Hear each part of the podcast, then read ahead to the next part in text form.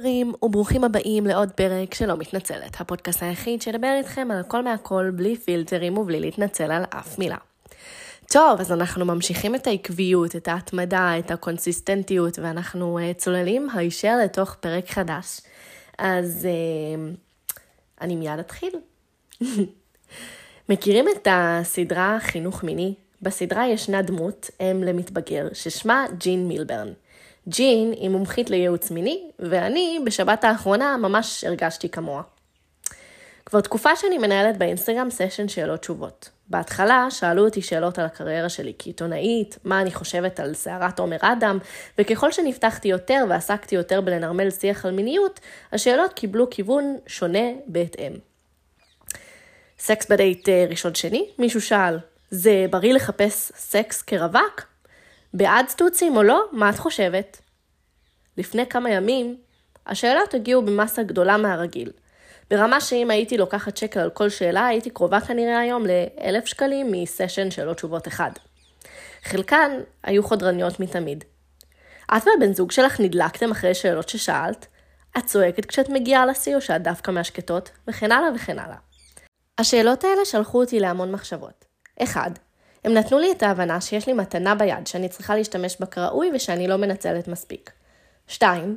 תהיתי ביני לבין עצמי האם אני רוצה לחבוש בגאווה את כובע הסקסולוגית ששמו עליי שלא מבחירתי. 3. איך אני יכולה לייעץ לעוקבים שלי על סמך החוויות האישיות שלי, ובכל זאת להחליט על מה לדבר ושלא הם יחליטו עבורי. נתחיל מהתייחסות לסעיף 1. כל חיי, מאז שאני בתיכון, ומוניתי כעורכת יחסים בפרוגי בגיל 16, נמשכתי לנושאים האלה של מגדר ונשיות. לאחרונה, בן משפחה שאל אותי על מה הכתבה הבאה שלי.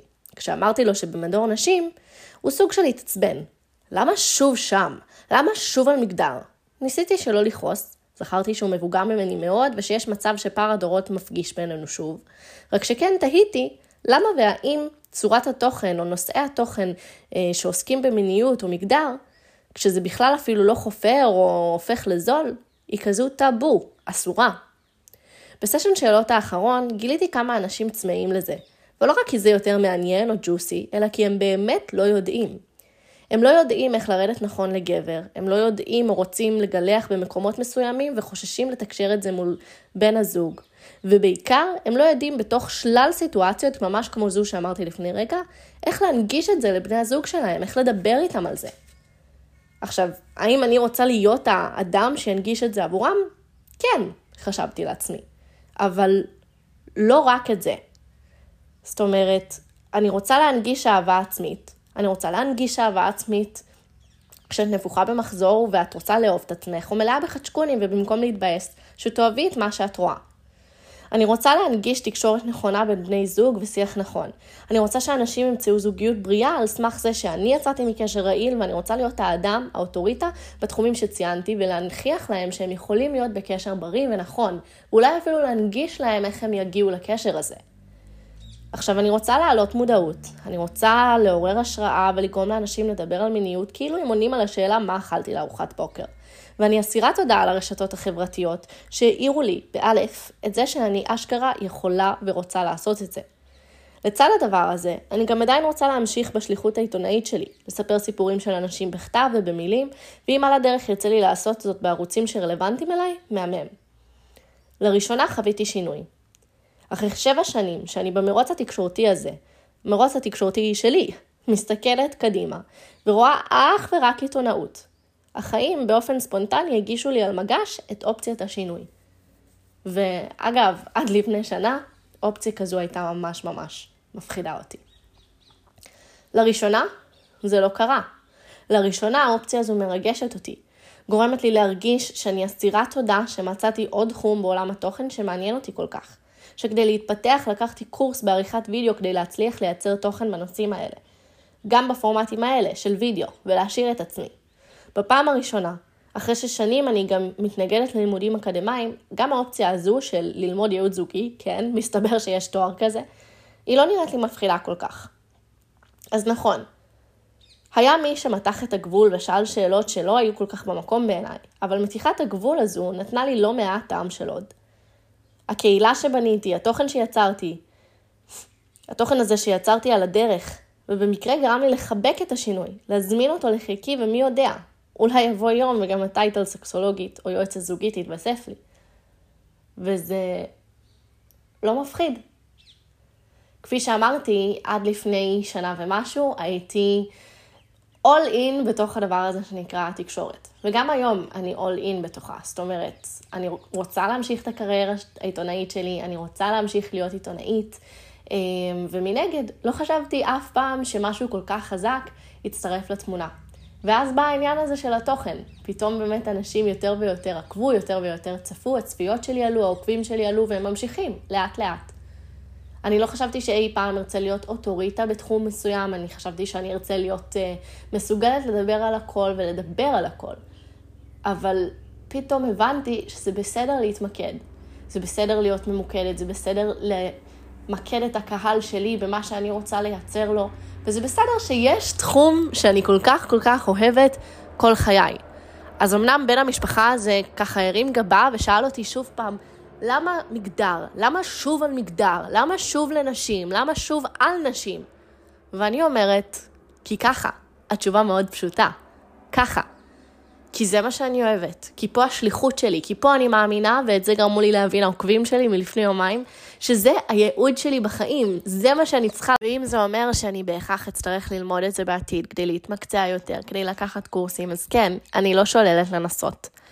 עכשיו, כמו שאמרתי, לפני שנה ומשהו שחר הייתה שומעת את הרצונות החדשים האלה שלה, ושוב, כל עוד הם היו מתאימים למסלול התקשורתי, למסלול אה, שהיא כבר עמוק בתוכו, הייתי לוקחת אותם ועולה עליהם חזק ומושכת קדימה. וכנראה שלמשהו כזה חדש, כמו שקורה כעת, בתקופה הנוכחית, אה, שדורש גם עצמאיות, שדורש קניית ציוד מתאים, הייתי אומרת, לא, לא עכשיו.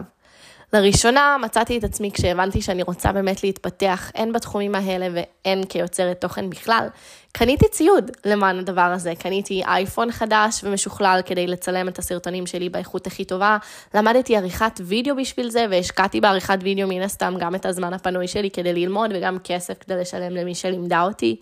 אמ, קניתי חצובה ורינגלייט ורינגלייט גם משוכלל עם כל מיני פיצ'רים כאילו, והסתכלתי על עצמי אחרי שעשיתי את כל הדברים האלה. ואגב אני רק ממשיכה, זאת אומרת אני ממשיכה לייצר networking כל הזמן עם אנשים ולראות עם מי אני יכולה לשתף פעולה והסתכלתי על עצמי ואמרתי, בואנה, כל הכבוד לי, כי זה לא דברים שהייתי עושה. גם את הפודקאסט הזה התחלתי בהתחלה ממקום מאוד קטן, של יש לי משהו להשמיע ואני רוצה להשמיע אותו בקול, בקול שלי, ולאט לאט ראיתי שאנשים אומרים לי, למה את לא עושה שיתופי פעולה? למה זה לא קורה? וכל פעם אמרתי, טוב, יאללה, אולי בעתיד אני אתן לכם את זה, אל דאגה, זה יבוא, זה יבוא, ולא הייתי עושה כלום כדי שזה יקרה. והנה, פתאום הקלטתי את הפרק עם אנה בסקין, ובסוף יצא מזה גם כתבה למאקרו. לפני אה, יומיים שלוש אני אספר לכם שכבר סגרתי שיתוף פעולה נוסף לפודקאסט.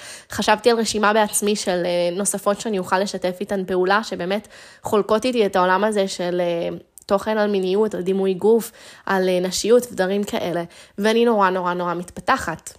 עכשיו אני מספרת לכם את כל זה לא כדי להגיד בואנה איזה מדהימה אני ואיך אני מגשימה חלומ, חלומות ואני פשוט הכי הכי טובה, אלא כדי להגיד לכם שלצאת מכיסא הפחד פשוט עושה טוב. יכול להיות ממש ממש ממש פורץ דרך עבורכם, גם לגלות שאתם מסוגלים להשקיע בזה, גם לגלות שאתם אה, מסוגלים להשקיע בזה כסף, גם אם להשקיע כסף בזה נראה קודם מפחיד. ולעשות משהו שמפחיד אתכם, מדובר במהלך פורץ דרך.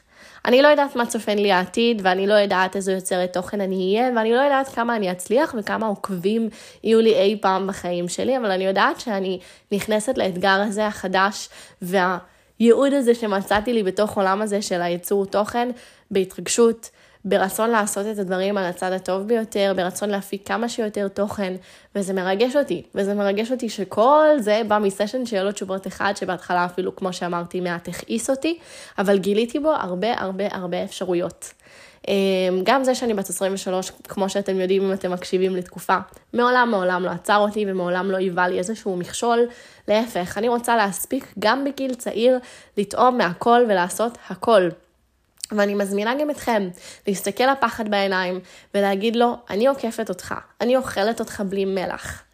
ומקווה שאתם uh, מוצאים את הכוחות בעצמכם לעשות את זה. תודה רבה רבה על ההקשבה, נתראה בפרק הבא.